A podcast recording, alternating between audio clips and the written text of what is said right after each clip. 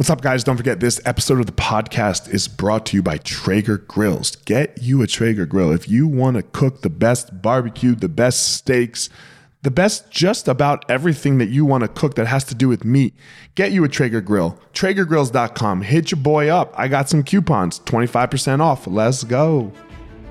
What's up, guys? This is former UFC fighter Elliot Marshall, and you are listening to The Blueprint. I believe that there's a blueprint of how the most successful people structure their lives. They don't all do it the same, they don't all do the same things. And on this podcast, you're going to hear inspirations, motivations, and stories about how they go through their life. These stories will give you clues and tricks of exactly how you can discover your passion find your power, and then go give your purpose to the world. Thank you so much for listening. Let's jump into this week's episode.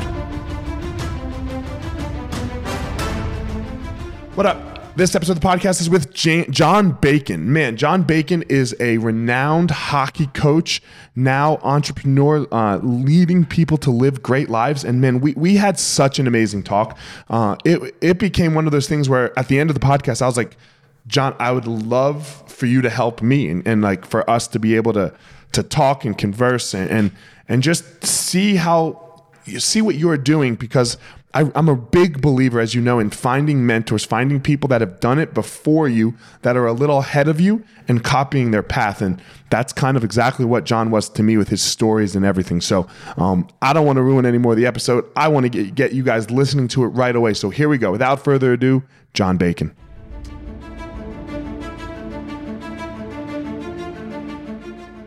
Going on, John? How you doing? I'm doing very well, Elliot. Great to be on your podcast.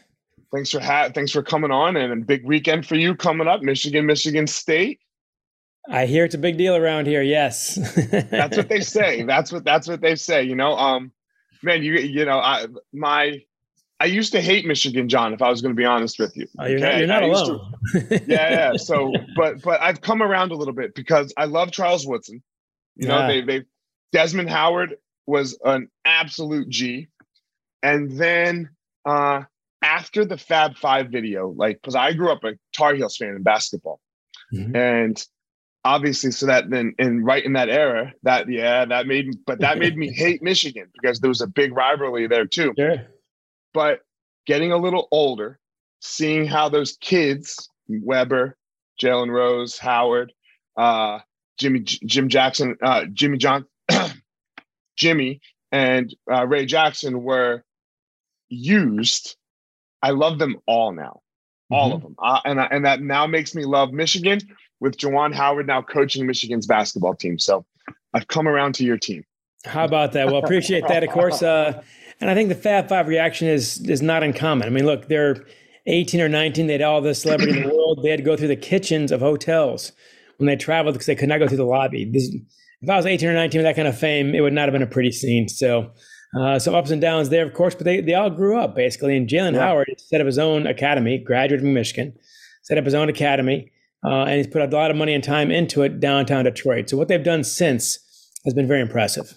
Man, this is one of the things that that really kills me in, in our landscape right now a little bit sometimes. Um, uh, uh you know, and I guess we'll get a little controversial at the start. But like, for example, how someone hates LeBron James. You can dislike the man as an athlete, you know, but what he has done, how, how you're like, I hate LeBron, you know, I don't cheer for LeBron. I've never, I don't think I've ever cheered for LeBron in one game, you know, in the in the in the Michael Jordan versus LeBron argument, I can't even grasp it. It's not even close to me. But to say that he's an asshole or a bad guy. It's absolutely ridiculous. It's absolutely ridiculous. He has done nothing wrong, like in his marriage ever, or any of this stuff. He has put more kids through college than you and I both do. Ever, ever. I mean, I guess I don't know your story yet, but you, you, know, good guess. okay, right. Okay, I, I thought it was a pretty safe guess, but you know, and it it tends to lean especially more towards the the the young black athlete, especially one that, you know, like you look at like Howard and, and these guys, look, they were young, you know, what would you do with fame at 18? Uh, I wasn't that wise to begin with at 18. I, I didn't handle what I had very well. Right. you know? and I was not a Fab Fiver. But you know what? You've hit on, hit upon something there, uh, Elliot, that I've talked about on the radio before, and that is the bizarre world. Now, in a particular case, we can expand this obviously, but uh, yeah. the, the LeBron haters. I don't get it on several levels. One is exactly as you described. This guy's 18, multimillionaire, gigantically famous, and he hasn't had any problem with the cops. Uh, hasn't any problem with the law uh, in any real in any sense. Um, been married to the same woman the, the entire time, raised good kids, yeah. giving his money out constantly. uh, always, I think, respectable on TV and presentable and all that good stuff. I, have not heard him say anything that is, is regretful, thank, frankly. Um, and he's handled that with great aplomb. Second thing you hit upon, so the, the general concept, I don't get it. Where's that coming from? That this guy's not an evil figure in any way, shape, or form. Not even a little bit. You can disagree. Not even a little politics. bit. You can disagree not even a little with bit. politics. Go ahead, disagree with his politics. Fine. Right. But to exactly. say he's a piece of shit is craziness. You can do, and you can disagree with Tom Brady on the same basis.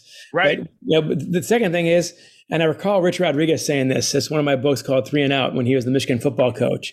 He said, all these guys who say they hate me, hate me, hate me, is that they don't even know me. and I thought, you know, you may hate his, you know, defense, you may hate this or that, you may hate, you know, that they lost to Michigan State, whatever. But how can you hate the person if you really don't know them at all? Um, I've met Tom Brady maybe twice briefly. I don't know. Uh, I don't know what he's like. Um, and I certainly don't know what LeBron James is right. So that kind of energy, by the way, and I bet we both agree on this one. Fans will spend their energy hating somebody they don't even know. That is life is short, man. Life is short.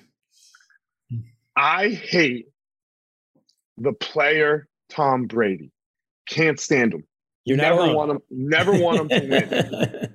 I, I I have a funny Tom Brady story. Actually, I was walking out of the T-Mobile Center. We were one of my fighters just fought, and he was walking in. And I have a rule, and my rule is I only take pictures with goats. Like I'm not trying to stop every celebrity, you know, you know that that you see at these events. Tyson, right. Jordan, uh, I have one. I don't have Jordan, but I have Tyson. I have Arnold. You know, like because they come mm-hmm. to these massive events, and I'm walking out of the T-Mobile Center, and Tom Brady's walking in, and I'm walking next to him, and I'm like, man, I hate that motherfucker. Just like in my head, right? like you know, in my head. And then I just get my phone out, turn towards him. I'm like, but he's the best. Yo, can I get a pic? so like, ain't got to recognize game, right? Yeah, yeah, man. He's, he's the he's the best. You know, he it's not even funny. But I agree with you. What do you mean you hate them? You, you don't know them. You have no idea what they're like. And what I often find with, I think, the best celebrities, and LeBron fits this category, uh, whatever you don't like is probably public, and the best sides are private. Uh, oftentimes, mm-hmm. you find the opposite, where the, the phony positive side is out there, and privately the guy's a jerk. Um, that certainly happens plenty of times. But what I find happens fairly often is the part you dislike about him is public and the quiet stuff, the scholarships, um, the, the, help given to people you don't even know about. As my mom said, and I know you agree with this one, Elliot, your character is what you do when you think no one's watching. Turn the camera off and show me what we got, and I'll believe that. It's the same thing. What, what have I heard? Uh, you are the like talking to like manhood, for example, in this one. You are the man that your family thinks you are. you, you know, that makes it real, real fast, doesn't it? yeah, because they see you at your worst. Yeah, you are not going to fool them. It's it's, no. it's Bacon's law of the locker room. You can fool the press pretty easily, the fans very easily. You cannot fool the guys in the locker room. They know exactly who you are. So when I'm doing one of my stories or books, uh, talk to the guys in the locker room. Look with your fighters and so on. Hey, that, you know knows that fighter? You and the trainer. That's who knows mm-hmm. the fighter um, better than anybody. So this this leadership journey, you know, I see, you know, you have your book behind you, and and look, we've, we've been talking a lot about traits of humans and men and, and things like that. Um, what makes, you know, and, and I know you're into leadership, what makes a great leader, John? Great question. A uh, couple points on that. One, what I found is there are a lot of variables that can be there or not. Um, there are some deal breakers, and that if you do these things, you will never be able to lead. Uh, and there's some things that everyone has to have no matter what your personality is. But I have found happily it's a great range of personalities that can pull this off. So the first thing is to be real, uh, know who you are, be comfortable in your own skin, and lead from that point of view. So my great mentor is Al Clark at Culver Academies. He's a Phi Beta Kappa math department chairman, started a program in 1976 with 12 kids who never skated before, an outdoor rink, and uh, he retired with 1,017 wins, the most in U.S. high school hockey history. 25 NHL draft picks from the cornfields of Indiana. This does not happen. He's the math department chairman, like I said. His big pregame speech. Get ready for this one, Alex. I know you're a good speaker. He walks in and he says, "Well, this would be a good one to win." it's like, wow, yeah. so motivating. oh, even when I'm 22, I'm going, really? That's it? This is the, this is the legendary coach, and that's what I'm getting. it, and it and it didn't matter. I took a lot of time with my pregame speeches. A lot of you know, John Wooden didn't. I know that. A lot of folks don't.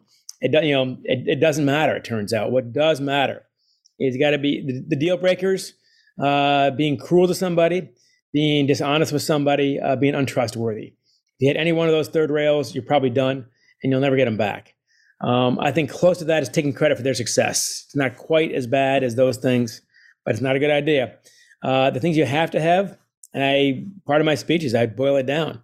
Who was your favorite uh, teacher? And I bet Elliot, off the top of your head, you're you're a, you're a man of profound belief. Uh, can pull this one off in five seconds. Who was your favorite teacher? I bet you still know. My favorite teacher is Wayne King. That was he was my first teacher that ever touched me.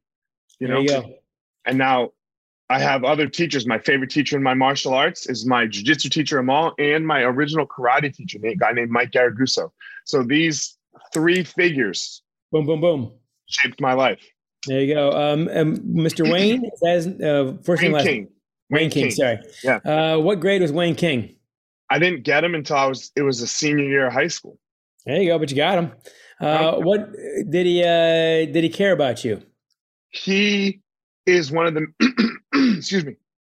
He extremely cared about me because he was my basketball. He was the assistant basketball coach too, ah. and I ah. played a little ball, you know, and it, it it it shaped my life to where it went. I, I don't know if my life would have quite fit the same trajectory had I not met Wayne King. There's Wayne King. Next question: yeah. uh, Was he easy? No, no, ridiculously hard. There you go. Well, I've asked that question, Wayne, since oh, I think oh six it was, maybe seven in Vancouver, and I've asked it South America, North America, Sao Paulo, Santiago, Chile, English, Portuguese, Espanol, and zero out of 300 times. I mean, it could be any grade whatsoever. It could be race, gender, all that stuff. There's no commonalities whatsoever, subject, etc.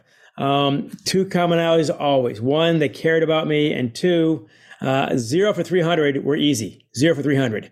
That's yeah. got to get your attention for all the variables.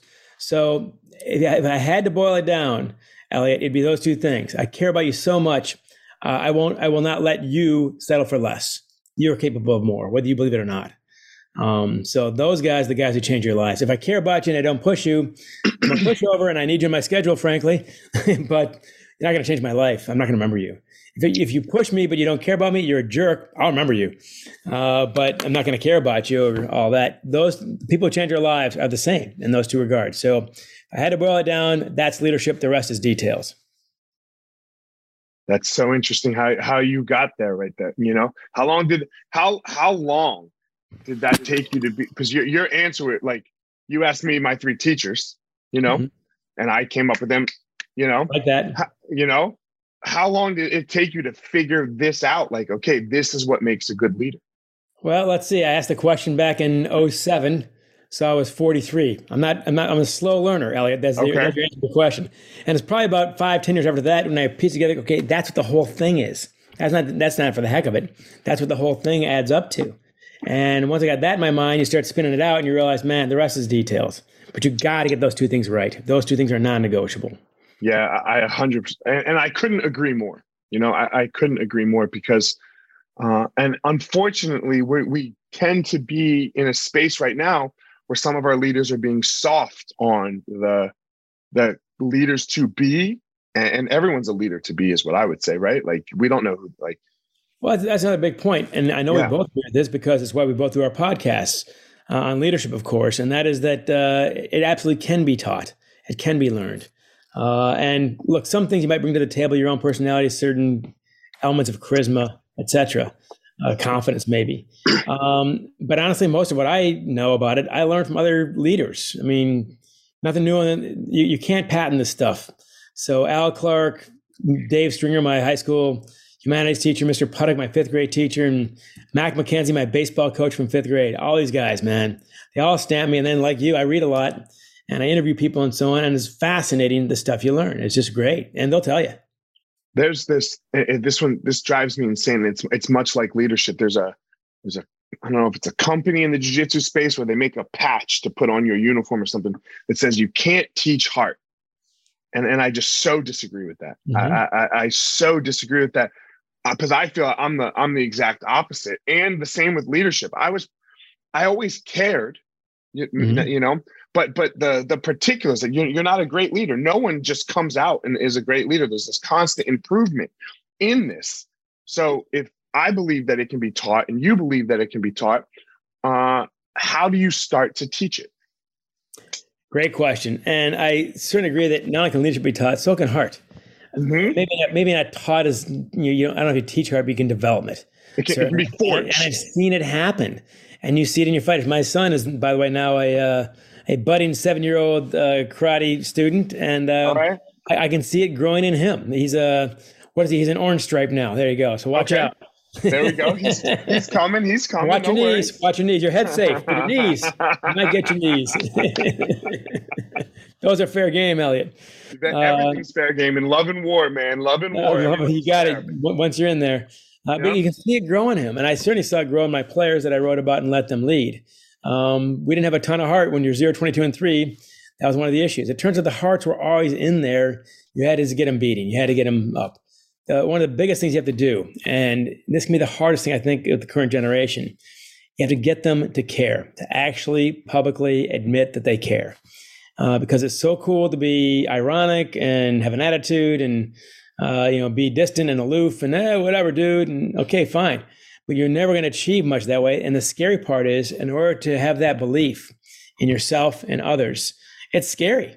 Uh, hope, what they say in Shawshank Redemption, hope is a scary thing. All right. If I if I blow off the paper to the last minute, you know, pulling all nighter and procrastinating. Oh, look at that! I got a B plus. Uh, I didn't try too hard. Okay, fine. It's not very courageous. If you spend weeks working on it and you still get a B plus, that hurts. All right, that stinks. If you took the fight seriously uh, and you did everything right and you still lose, that that's going to hurt. It's going to hurt. All right, but it does not hurt as much as not caring. And so you have to care. And I guarantee you, it's what Herb Brooks told me, the 1980 Olympic coach who beat the Soviets in 1980. Uh, Al Michaels, do you believe in miracles? The whole bit. This guy waited 20 years for this moment. It happens. And uh, when we're playing the almighty Trenton high school hockey team, 14 state titles, and I called Herb up and said, "Okay, Herb, they're the Soviets and we're the Americans. What do you got?" I, have come to the right source here, Elliot. I know that. Yes, yeah, yes, you have. I said, "Okay, what do you got?" And he said, "Johnny," with this great Minnesota accent. He didn't give me any X's and O's, no strategy, none of that. He said, "You just got to tell him this. Above all, you got to believe." He said, "If you don't believe, nothing is possible." If you do believe anything is possible, he said, take my word for it. But as I as I say, and I know you agree with this also, right, just because I believe does not mean it's going to happen. But I guarantee you, if you don't believe, it's not going to happen. It's like a lottery ticket. If you have a lottery ticket, I can't guarantee you're going to win the lottery, but I can absolutely guarantee you, without a lottery ticket, you have no chance to win the lottery. So faith, hope, belief, confidence, these are the lottery tickets you got to buy for yourself and for your team. And after a while, they start buying them for themselves, and you get more and more. Your your odds improve with all that belief. But man, it's a great way to live, whether you win or lose. And be, like Teddy Roosevelt said, one of those silent souls on the sidelines, the critics. Okay, dude, if that's that's your thing on Twitter, whatever else, go right ahead. You know, fair game, whatever. It's you know, it's big boy business. Uh, but it can't be very satisfying. That's what I have to say. So it's the guy in the ring, and you are the guy in the ring, and you coach the guys in the ring. That's what matters so Nor- I'm I'm actually giving a speech tomorrow. I'm, I'm doing a presentation, so I'm in a hotel right now. But normally in my office, I have the Teddy Roosevelt quote sitting over here over my right shoulder, and because it's not the critic who counts, you know, it, it's the man who is in the arena, who is who who takes that risk, who will either know victory or defeat. And and you touched on so much there. First of all, I want to go back to what you were kind of saying at the beginning with with the with the test or the paper.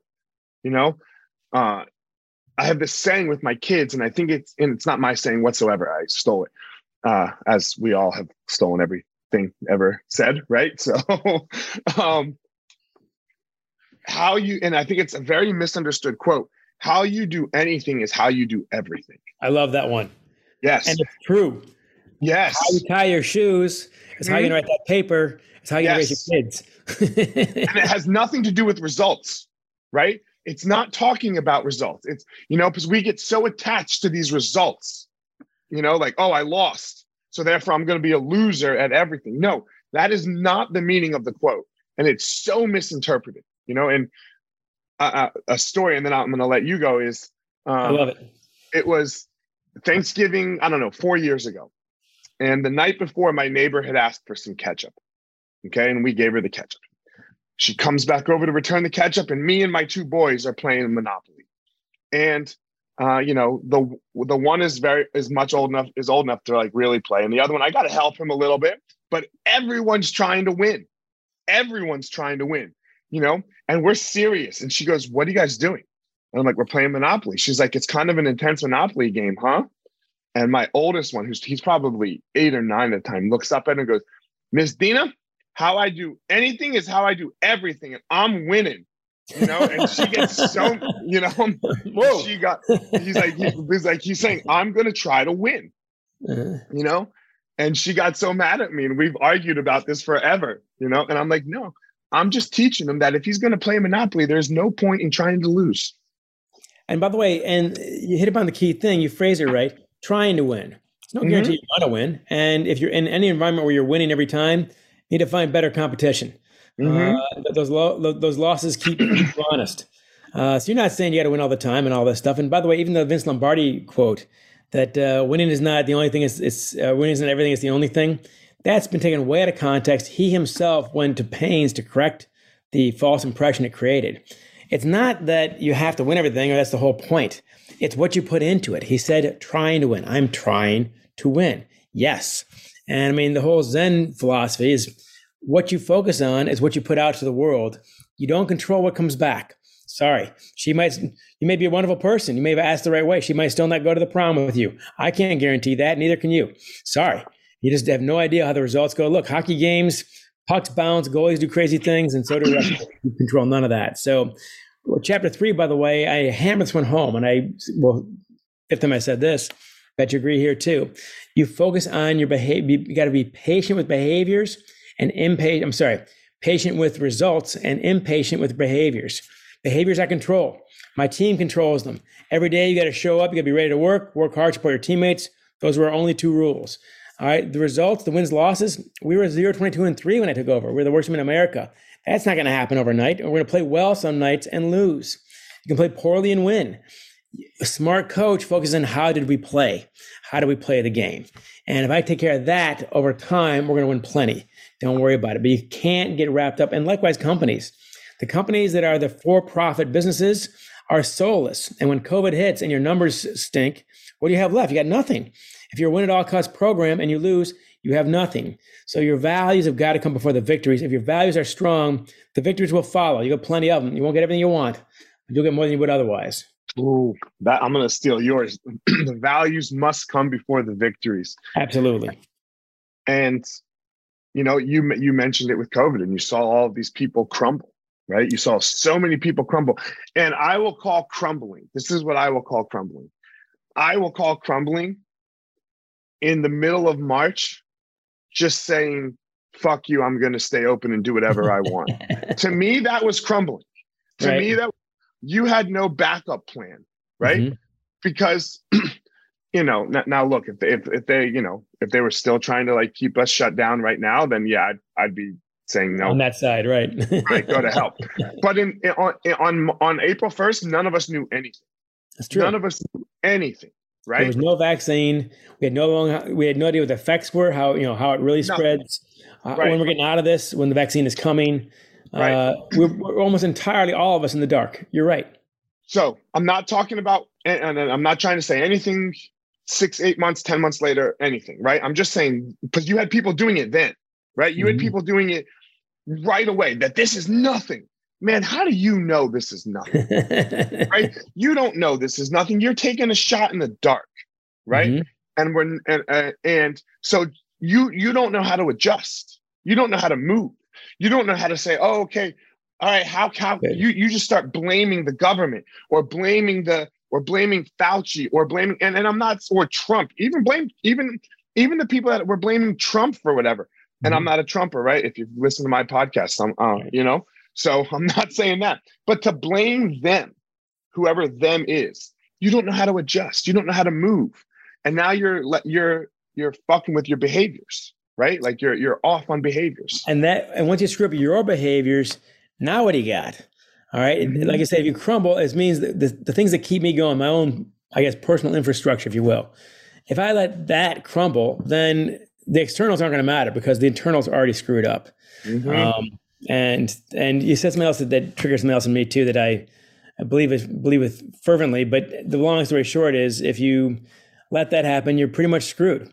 Um, and internals versus externals, you can control the internals, you don't control the externals. It's worth noting, by the way, when Darwin laid out his plan uh, about evolution and so on, is that what happens?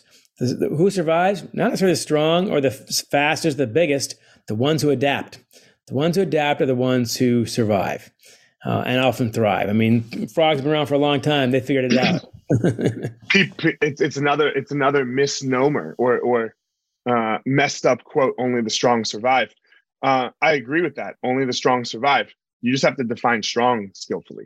That's right. Strong mentally enough to, to make the adaptation. Yeah, um, it, it's strong. It's it's not just like this outwardly. I can be very strong. Right. You know. Well, so, we both agree too. I mean, look, that was a disorienting time.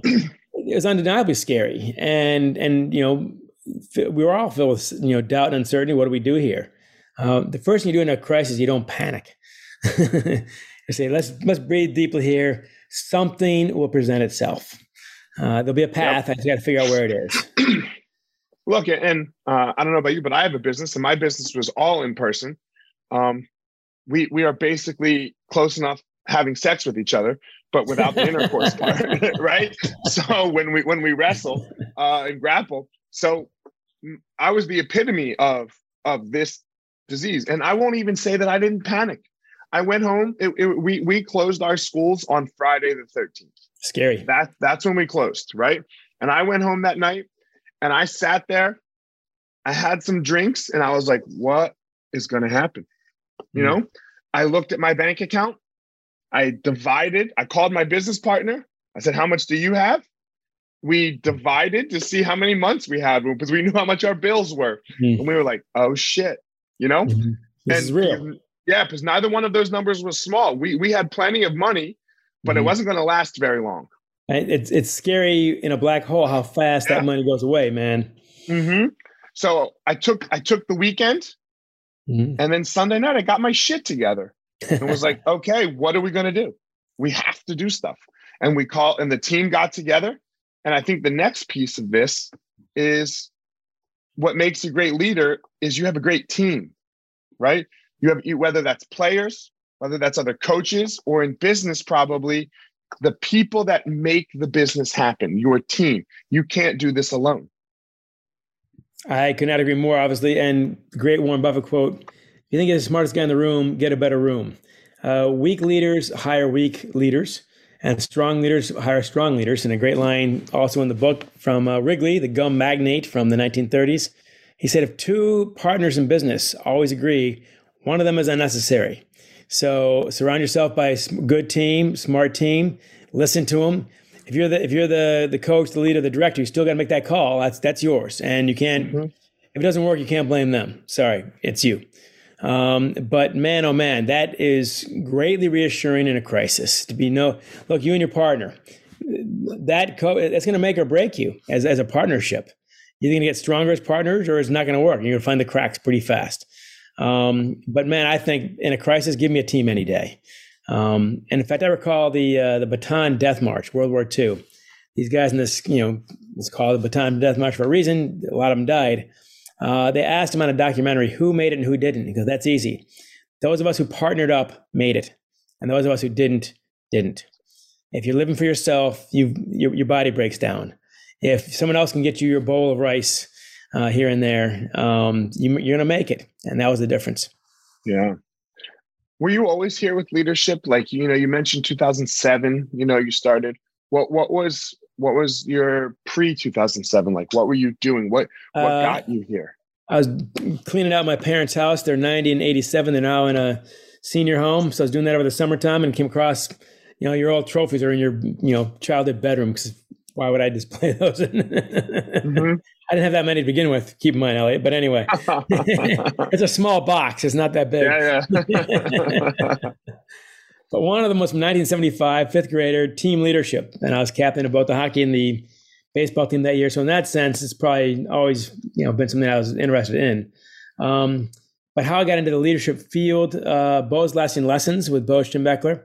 Um, when Bo Schembechler, the old Michigan football coach, he and I sat down in 05 and spent a year and a half uh, putting down his ideas. And that book still sells very well. I'm pleased to report it's 15 years later, more than that, maybe.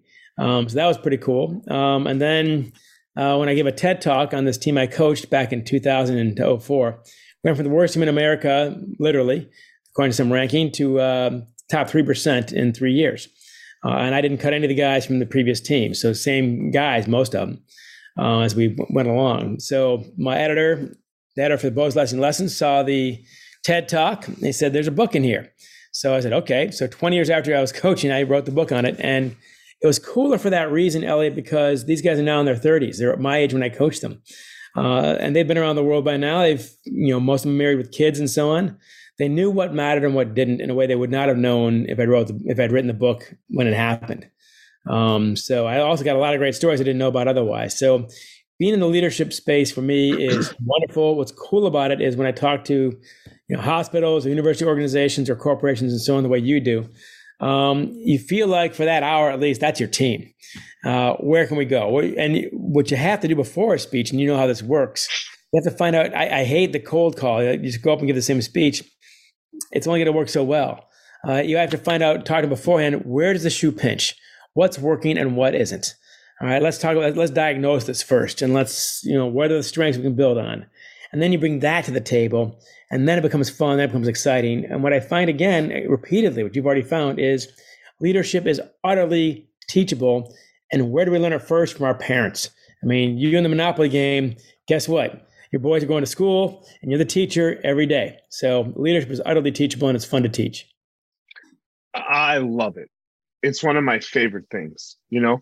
And I I have to say, for me personally, I want I, am not into leading people that don't want to be that don't want to do this with with me, right? Like, and and I, and, and I think we have to realize that you're that you you're not for everyone. I'm not for everyone, right? Like you, you there might be somebody else that is going to be a great leader for you.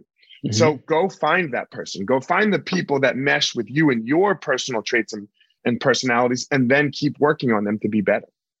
I love that too, by the way. A friend of mine, Bert Bean, has got a great line feed the hungry. There's no point trying to jam food on a guy's mouth who doesn't want it. I mean, it's the old lead a horse to water, but you can't make him drink. Mm-hmm. Uh, set it up whenever you can. Some things are mandatory, I get, in any organization. You just can't get around it. But sure. as much as you can, make things optional and see who see who bites. And when the, when the group, first group starts biting, you get success the second group starts realizing, oh, wait a second, those guys are doing all right. So what's happening there? Yeah. Um, they're a whole lot easier to teach when they want to be taught. Uh, if you don't, it gets pretty hard. For sure. Look, make everything optional, in my opinion. Like I, I make as this much as you can. With, I make this argument with drugs too. If you put meth in front of me right now, I still wouldn't do it. You know? it's free, no laws. Still yeah, a bad idea. still a bad idea. You know, the only place where that logic falls apart is young people, right? Because they're they're willing to, you know, they've not uh, as much experience. So I, I, understand the flaw in my. logic. What I've learned since is impulse control, of course, is one of the issues. Yes. So, yes. But, yes. but at our on, age, on the, Elliot, on the me- I, am not yeah. a kid. If I can't turn down meth and say, well, let's see. On the one hand, I get a great buzz. Okay, that's one thing. Yeah. The other hand, geez, yeah. I got this cottage up north, got my wife and kid. Wow, that's a lot. and I will lose all, I, all, all, of it, including these home, yeah, if I came home today and was like, "Baby, I tried meth when I was gone," she would be like, "Okay, great, we're divorced." Like that, that, would, that would be it. okay, here's a box. so, anyway, um, back to it. Um, I, I think that one of the one of the big things for me is that we have to balance our altruism and our narcissism. Like people, especially in this leadership space, they go, "Oh, I just do it for other people," and I think that is total bullshit. I think that is total bullshit. You get something out of it. Don't you? You. No one is just this pure altruist. Mm-hmm. Oh, I do it for the world. You know, no. I think you have to realize that. Yeah, it gives you something. What is leadership? What does leading give you, John? Uh, by the way, that's a, a genius little bit right there. And I agree. And I recall Abraham, I recall, I wasn't there. Abraham Lincoln was on a train. I'm not that old. Uh, he, was on a train and someone said, you know, that he was making the same argument. Nothing is purely selfless. If I give something to somebody because they need it, I still feel good about the giving. It gives me something. In fact, studies show that your endorphins spike higher when you're the giver than when you're the recipient. Mm-hmm. Um, so we know this. But anyway, um, and not only, not only that, I think you lead better when you admit there's something in it for you because the people you're leading, they don't want to know that you're like draining your blood on their behalf. You don't want your parents to die because of raising you. Uh, you want them to get something out of it. Obviously, you want it to be somewhat pleasurable on some level. So I think you're right about that. And when I was coaching uh, the Michigan women's club hockey team, I was an assistant coach for a few years. Um, and I was head coach of this boys high school hockey team in, in Ann Arbor, Ann Arbor Huron. And uh, I learned, sadly, after the fact, that, and I wrote an essay about this. If you Google my name and women's hockey, it'll come up uh, that I was always trying to get the women to play more like the men and the men to play more like the women. And broad strokes here and gross generalizations, so feel free to throw salt on these and throw them out altogether and so on. But I found as a rule that the women passed, passed, passed, and nobody shot. And the boys shot, shot, shot, and nobody passed. and you know what? Neither one's going to work very well here. So I, I, my joke about the women is, how many women does it take to shoot the puck? The answer is five. One to shoot the puck, and four to say it's okay to shoot the puck. and the boys, like you're you're you're shooting, you're at the blue line. This guy's wide open in the corner, right? Wide open, right? Find that guy and a tap and goal, piece of cake. Assist counts. Uh, so I was always trying to get the men to be less selfish, and really the women to get more selfish. So in that sense, uh, I think your theory is exactly right. It's so interesting because there's a very similar thing with jujitsu. Women, mm. okay, so jujitsu is all about the submission, right? You're trying to submit, choke the other person you know, or, or joint lock them. Women rarely, you know, it, it, especially if they're not competitors, they never tap each other. They want to just have this nice role where you go through the positions and it's hard, but but no one ever really loses, you know. Where the guys, they don't pay attention to shit and they're just trying to kill each other, right? And I, it's, it's, the same thing. I'm like, no, I need you to be a little more about the position right? Like you have to hold good position first. And I need the girls like, yo, go ahead and choke her. It's gonna be okay. You know, like and sure that you know there's a whole host of uh genetic personality things that are ingrained in, in, in into our genders a little bit. I do believe. Uh, I might mm-hmm. get in some trouble for that, but whatever. If you're in trouble, so am I. So there we go. Yeah, we're, we're in trouble together, yeah, You know, yeah. And and this is something that we have to admit. You have to know back to leadership. Like I gotta know who I'm talking to. And like, and let's stay on this male female thing for spring. I know that when I'm leading a girl, when I'm going to to battle with with with a female, my voice has to sound different. It mm-hmm. can never sound angry in any mm-hmm. way if they can't see my face. Hmm. If they can see my face and they can see that I'm not angry and it was just intense, then it's okay. Mm-hmm. You know, I cannot sound angry with the girls. They crumble, hmm. right? Because they think me as the leader, almost like a father ish figure in a way, is upset. And I can't be upset because now I might, you know, it's it's a very interesting thing where the guys, I don't have to worry about that so much. Mm-hmm. You know? That's so, by the way, that's in this 500 word essay, I hit that same point that the women I never had to not that I did not have to yell at the women, uh, I couldn't. It was counterproductive. Right. You yelled at one of them, you probably mm-hmm. lost her for the season.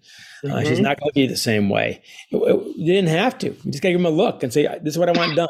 They're eager to do it. Um, mm-hmm. The high school boy, as you know, and you're about to find out with your with your kids, of course. Oh yeah. Is that uh, I have to yell at them in the in the locker room because the inch of insulation if they're in their brains at that age before they realize that there's somebody in this room trying to communicate with me now. Yeah, it's me. I'm yelling at you. yeah. uh, yeah, yeah, I had to do that to cut through the the cloud sometimes. Um, but there is a, I mean, again, there are stereotypes we're talking about here. There are countless exceptions, no, on both sides, Lord knows, et cetera, et cetera, et cetera. But as a rule, I do find these these ideas basically work. I think the other question I had was confidence, and this kind of gets to your narcissism versus altruism aspect. Okay. Um, the women, to my surprise, these are University of Michigan students. They're going to be doctors and lawyers, and they are now. Um, and they're they're a good team. We're a top ten team. So I thought confidence, any group of men, that it, it all took, took care of itself. No, I had to keep on pumping them up individually and as a team in ways I didn't expect. Um, the boys, you know, I'm always telling them you're better than you think you are. The boys, I was always telling them you're not half as good as you think you are. Let's start there and work backwards. You know, kid, why am I on the third line? Because I like you. You should be on the fourth line. Don't ask twice.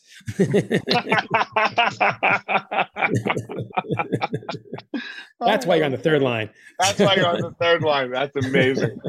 Um, so there's there's that aspect as well. But, you know, and we've had we we've both led people like this. Some guys need to pump up, other guys need to bring down, and you just got to know your people.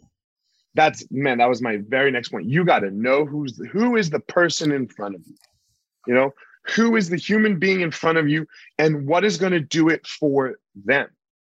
You know, if Dude. you're a good leader, if you're a good coach, if you're anything, anything worth a shit, you got to know who you're dealing with. Uh, completely right. It's chapter nine, this book out of 12. I got it from Al Gallup, 96 years old, still biking every day. A World War II veteran. This guy's a he's a badass. There, I can I can swear a little bit in your show. You can uh, whatever you want. There you go. But uh, his great line to me years ago when I was a student teacher, uh, he said, "You cannot motivate anybody you don't know," and I think he's right. You can, maybe you can a little bit, maybe you can some, but not a lot. Um, mm-hmm. The more I know you, I got to find out where the buttons are. And like I said about, you know, we both said about yelling at women, you don't know them, that's not going to work uh, ever. So the, the boys figure out who needs the, you know, the, the tires pumped up and who needs to come down to earth. Um, yep. What are the hangups? What are the holdups? Um, and and you know what? Here's the beauty part: you can ask them, and they'll probably tell you. It's so it's, it's man, what you just said was so interesting because uh, I just like literally, I just had to yell at one of my athletes a couple weeks ago. We were at a tournament and uh, she was, and sh- so she was sick pre-tournament. She got sick right before, and then she cut herself. Or, oh, she I'm sorry, she got a burn and started to get mm. infected. So she had to go on antibiotics, which can make you feel awful for physical right. competition, right? So she's feeling terrible, and I'm like, look, you don't have to do this. Like, and it's it's a huge tournament, it's a big one, you know. And she goes, No, I'm doing it. And I was like, Okay, well, if we're doing it, we're doing it. And we're not going to make any excuses and we'll just mm-hmm. feel like shit later. Right. Mm-hmm. Well, just this is going to feel terrible. So, anyway, she goes out, she does her first match and she ekes it by, like barely gets by. And not because she did anything, the other person got a penalty point. So mm-hmm. I was like, All right, I'm going to have to get her going here, you know? Mm-hmm. So we sit down and she's starting to like have this pity party. And I'm like, hey, th- we're going to get this? I was like, we need to get our energy back. You know, she's like, well, do you have any cocaine? I was like, no, I don't have cocaine. you know? And I'm like, not today. not right. I was like, but you have time. You know, you have time. And she goes, time to take a nap. And I was like, fuck. And I was so, I was getting mad now, you know, because I'm like, mm-hmm. this is not the mind space we need to be in. So I say something to her and then I walk off and I come back to her. And I know her so well. And she hates disappointing me, hates mm. it. It's her number one fear, probably. So I look at her and I say, Look, I've been in this shithole town for three days and there ain't nothing to do. I hate this town, you know? And I and it's Sunday night and you're competing on Sunday night. I've been waiting for you, you know? I don't care if you win or lose, but you better go fight your ass off and not waste my fucking time. And I just walked off and I just walked off. And I texted another athlete that I'm close to. I'm like, well, I just said this to her. We're going to see how this goes. It's either right. to work. It's either going to work or we're going to be in a fight. Because I didn't mean any of it. Right? right? But it worked, you know? And I couldn't, the athlete that I was texting what I said, if I said that to her, she would crumble. She would crumble in a hot second. And so I couldn't say that to, to, to the other athlete, you know? But this you one, the athlete, you knew your athlete, you also knew the moment. You knew what she had been mm-hmm. going through and all the rest and where things stood. And you also crucially, you didn't say she had to win. You said you gotta, no. you gotta, you gotta drive. You gotta put yourself into it. Again, the Zen thing. We control what we put into the world. We don't control what comes back. Uh, but damn it, do it now. And you would never have dared that, you know, six months, a year earlier, whatever else, without knowing her well. Um, there's a time I took a guy back who failed a second drug test, and he was convinced that it was a false test. The guys on the team said he was clean, smoking pot, high school stuff. Um, right et cetera, et cetera, et cetera. And then I had a tough decision to make because this guy's a third line player. He's not going to make or break us. That's never part of my calculation. Uh, I don't care if you're, if, you're, if you're all state, if you're riding the bench. These are the rules, and you know we're all the same here. Mm-hmm, um, mm-hmm. A great line I got from Jane Bennett, my athletic director. When in doubt, bet on the kid. That comes from Kent Overby, one of her coaches. Um, but you can only bet on the kid, all right, if you know the kid. All right. If, if it was the first two months and you you know blew two drug tests, the first one was accurate, uh, then you're gone. But I knew this kid for a year and a half. Uh, he had earned my respect and my trust. Right. Was he telling the truth? I can't know. All right. Am I willing to bet on him? Yes, I am. And if I if we bet wrong, we all look stupid, and you're gone. Um, right. So th- that's the risk I'm, I'm willing to take on your behalf. But I'm going to take it. Man, that guy's 35 years old. I went to his wedding last fall. Uh, he's doing great. He's in cybersecurity. Um, so all that stuff. But you can only do those bets. You can only yell at your athlete in that case, which breaks your own rules, breaks some of my rules too. But I break my own rules um, when it makes sense. When you know your people, that is. And by the way, when I interviewed my class about this class at Michigan called "Leading by Coaching," which I started three years ago, we talked about, as I said early on in this conversation, what's negotiable, what are deal killers, you know, trust, and so on. Um, and what has to be there the number one quality they said that they wanted their coaches and teachers was they have to know me that was number one and it wasn't close that kind of surprised me uh, but that's where they put it so without that good luck John, I've got three more questions for you. Two, I, I kind of lied. I'll try to go to fast then. I'll try to go quick on. No worries. Two, I kind of lied to you. They are the two questions that I do ask anybody, and they're the two that I, I'll ask last. You know, but the first one is, if you are a budding leader, if, if you want to be a leader right now and you're listening to this, but you're not quite there yet, what advice do you give to that person, that young leader who's trying to be more skillful? Get help. Um, when I see a new leader, whether they're 20 years old or 50 years old, um, become the leader, the the trap is this. Now I've got to be all powerful, all knowing. I can't take suggestions. I can't look weak um, et cetera, et cetera. That guy's going down, and there won't be anyone there to catch him. There's no safety net because he's already burned all his bridges. So get help. I had Al Clark. I had Red Berenson at Michigan. I had Bo Schembechler at Michigan. I had Herb Brooks. I had a pretty good crew uh, help me out there, to say the least. Um, but get help. Get help. Get help. Get help. Uh, you need mentors. You need advisors. You need assistants. All that stuff. That's the biggest thing I can say right there. Second thing, be patient with yourself. You're going to screw up guarantee you're going to screw up. And when I'm still teaching or coaching now, I still screw up. I've never given a speech where I said afterwards, wow, I nailed it. I wouldn't change anything. Every single speech I've given, I'd say, no, no, that one. So be patient with yourself, get help, be patient with yourself. But also, third thing is know what you want. All right. What is the vision? Not, you know, league titles, whatever else.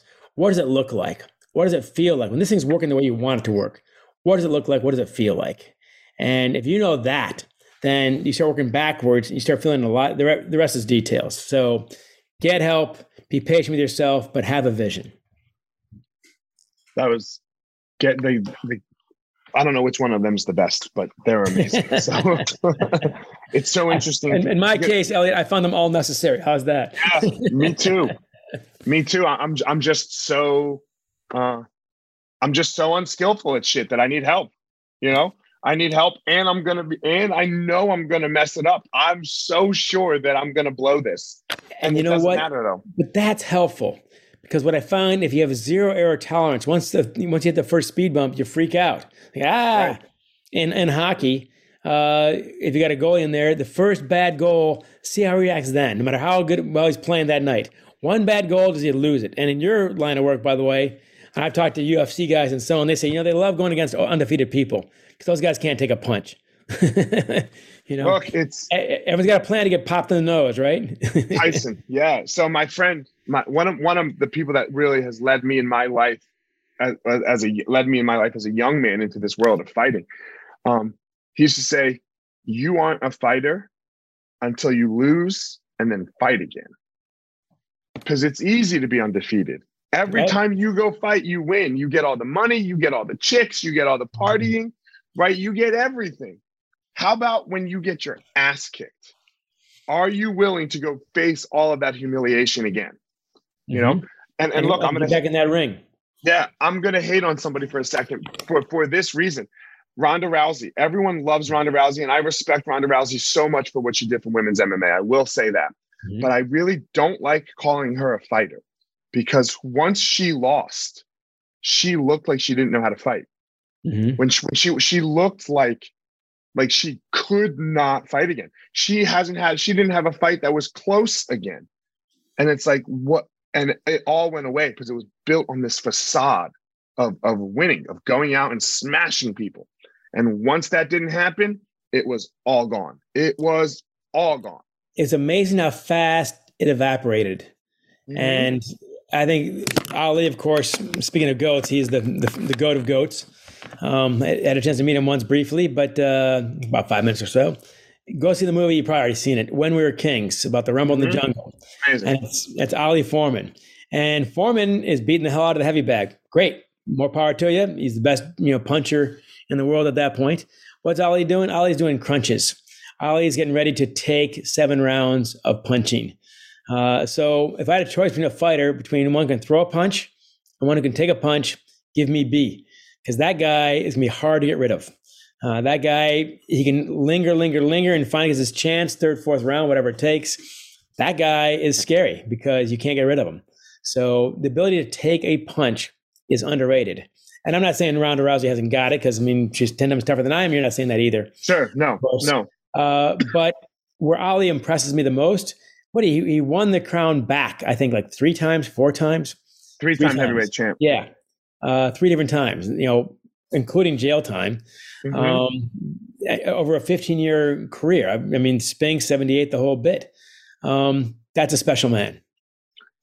the uh I, I believe there's two goat of goats. I believe Ali is one of them, and I believe Jordan is the other one. Mm. Um, so these these are these are the two that stand way out for me. Uh, they had this undying belief in themselves. It was just so incredible. Like like in, in the Ali case, and what what you said earlier, values before victory. Ali let it go when he was the heavyweight champ of the world. Because he wouldn't like so he could have made way said, more. I got money. nothing against no Viet Cong. That was the quote. Yep. And, and, and, and made what I said on the radio money. before, you, you can agree or disagree with that. I get it. My dad's uh, uh, has served, of course, and you know he resented that fact. And so I said, that. But he, my dad had acknowledged uh, you can't say he's not committed. He's not going to Canada. He's not lying about it. You know, he paid a huge price, uh, as our society warrants in that case, and he paid the price. So fair enough. You you made that decision. You paid the price. Then we're even. Well, that's why he's loved by everybody, right? I think you're right. he's loved by everybody because I, I don't think almost I would say that 90%, even right now, I would say uh, 70% disagree with his politics and religion of people in America, Mhm. right? But they love him. They love him because he paid his price. It's just what you said. He didn't Mhm. run away, right? He he didn't do whatever. He didn't draft dodge. Well, He it's said, "I'm gonna sit about right here." Colin Kaepernick. Again, you can agree or disagree. I've got mixed feelings myself, to be honest. Mhm. Uh, but I can't deny two things. One, he's not doing it for himself; he's doing it for others. And two, um, that he is committed to it. It cost him his career. Um, so again, agree or disagree, but don't doubt the commitment. I, and I don't know Colin Kaepernick. Neither do I. You know? but I but getting back to where we started with this, uh, how would you like the man to protest? Right? So which protest do you want? Do you want people to go uh protest in the streets? Right? Because because that seems to not be acceptable. Mhm. And all he did was take a knee. And I'm not saying I agree with the thing. I love America. I think I was born in the best country in the world. Mhm. But how but one of our things is we can protest. Uh, It's the first. It's, the First Amendment for a reason. Yes. Yes. So how would you and like by the way, the this- whole point of protest is you're probably not going to like it. That's that is the word protest. I am protesting. Uh, Yeah. I'm I'm disagreeing with you now. Yeah. So uh which one would you like? You want the streets or do you want a knee? You got you you you. you there's People no who disagree with one. you want you to protest in a way that they will never have to deal with it. The whole Right. point of the protest is you have to deal with it. That's that's why we don't like it. Point. Yeah. So, So, all right, last two questions here. One, I believe everyone has a unique power, some a gift that that they have inside of them, and then they go give that to the world, and then the world returns something back to them. What mm, is your what is that thing in yours? What's your Hmm. power? wow. Um, if I have one trait that has I've relied on that seems to be unusually developed, um, it's the ability to find, attract, and learn from mentors. Um, I think there's a powerful concept there we've only half tapped. That's one Mhm. thing. Second of all, I'd say just energy. Uh, I got a ton of energy, even at my age, um, and I give that energy out the world. And Bob Seger says it in one of his songs: "Every ounce of energy you try to give away." And the weird thing is, when you give that energy away, it bounces back and it multiplies. Uh, to, I mean, any musician will tell you this on the stage. When the crowd is into it, you know, they feed off each other and you start giving back more and more. I'm sure in MMA, there's no way that's not the case. Uh, and if, if your if your opponent is lame, they're not going to bring out the best in you. Sorry. I mean, Ali Frazier exists for a reason. I'm back to Ali, of course. But would Ali be who he is without Frazier? I don't think so. Uh, I think probably Ali would have told you that. So uh, I'd say seeking mentors and the, the giving of energy. Amazing. Last question. So, uh, and this question is meant to change what we consider what's an ROI. Nothing, nothing great about me per se. Um, we need to change that conversation. What is your ROI? So, why come on the podcast? Because, like, Hmm. um, man, uh, you, I'm, I'm not Tim Ferriss, right? I'm not, uh, I'm not this massive podcast where, uh, I, you're, you, you might get a book sale, right? And then after Amazon takes its its fifty percent cut, like I think that's like seven. I have a book too, right? It's like I know you do, bucks. and it's doing Yeah, pretty it's like well. but seven- I, you know exactly what I know. Yeah, it's like seven bucks, right? Like you, your your negative on that book is pretty much what I know um, from from my book anyway.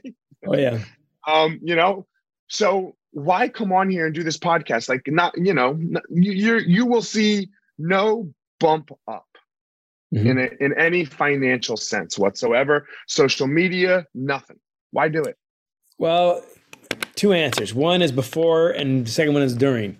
Uh, before, you know, you think, okay, you know, the book's behind me. There, as I said earlier on, there's this narcissistic versus the altruistic. The narcissistic side is like, okay, there's the book. I'm on, you know, a podcast with you, of course. Um, get the word out there, get some buzz and all this other stuff for your book, your my own podcast, let them lead by Bacon.com, etc. Uh, blah, blah, blah. Um, that only goes so far. And even when, you know, the numbers are great, whatever else, it's, not that compelling a reason to do anything. Uh, I and my wife researched this stuff. Um, we liked you. We liked your podcast. Liked you personally. Um, and as a result, I don't know your audience per se, but I probably like your audience. And in that sense, there's going to be a connection. So what you said earlier, which applies here directly. There's some people who don't like my leadership style, and I get that, and that's no problem at all. And there are a lot of leaders out there, and you need to find the one that works for you, Mhm. um, or the coach, or whatever else you're looking for. Um, but when there's a good connection there, it's, it's worth pursuing. And I leave now. We've been talking for almost an hour, uh, Right. maybe a little more. Uh, I leave more energized than I was before. All right, that's a good conversation to me, and to have a chance to knock these ideas around with somebody who thinks about them on a regular basis. I don't get that every day either. So in that sense, that's the fuel I get back from whatever I gave out. Um, and I and this one, I can't speak to you by the way, but I won. Okay, I'm walking away with more energy than I showed up with. I can say that. John, you were, you know, I'll be very honest with you here as we as we close it up. When you were talking about like find other great leaders to to help you, like when I asked you, how, you know, I was like, man, I, I wonder if John will talk to me more. Like that, like literally, as soon as you said that, that was the thought in my head. I was like, man, I wonder if like he'll like, you know, you know, if, what if we chatted once a month? You know, just like, hey, how you doing? Like, you know, because literally, I was like, okay, this guy, we we are on the same wavelength. He's Mhm. just a little ahead of me. Oh, You know? not at all. Yeah, what that's how I saw it. You know, that Yeah. that's how I was feeling. Whether true or not true doesn't matter. I was like, I got to talk to him more. So, Mm-hmm. Uh, man, uh, you, uh, I'm glad you thought you won, but I don't think so. Um, and, and and we'll we'll argue Hey. about this at a later date. Look, you're married, I'm married. A good marriage, both parties think they got the better deal. That's a good marriage. and I've you know I've never read you know, you know, everyone loves Trump's book, The Art of the Deal. I, have never read it. Uh, mm-hmm. I don't know what it says, but to me, it's exactly that. If both sides come away feeling like they won a little bit, now we've got That's a good deal. Because now we'll come back and make another one. Exactly. Right? And now, now we'll do another one. We're yeah. multiplying. I don't have to crush you, right? Uh, when, it's, when it's zero sum, when it's zero sum, you, you can't sustain it. Right. Uh, I can't. There are those who can, but I'm not one of them. And I'm not saying you need to lose. Like mm-hmm. I, I also like I'm not gonna, you know, take it up the rear end either, right? Like I'm not taking it up the ass, you know, but I can't. I don't have to. I don't have to make you take it. You know, right. so that that's it's also it just gives you a bad vibration if I may get that '60s corny and so on. If you yeah. took advantage of somebody, um, I don't know where the appeal is short or long term. You know, short term, I get it. You still got a stereo. Okay, you got a mm-hmm. stereo. Um, but how how good do you feel about that? You know, where's the where's the extra? It's, it's not there. So, and as we end here, I want to say we probably both know these things the most from doing it wrong, right? I, have lost before. I, have yeah, you know, I, I've, I've we've done this all wrong, right?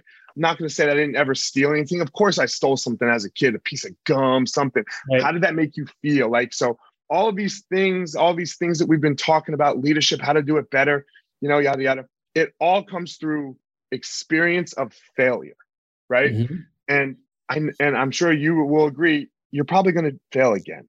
You know, hopefully not in the same way, hopefully right. not a, as badly as you did the last time, but you're going to. So, and then you'll learn from it. Uh, love that one, by the way. And look, what sports teach us, whether it's hockey or MMA and so on, it's not how to win, it's how to lose.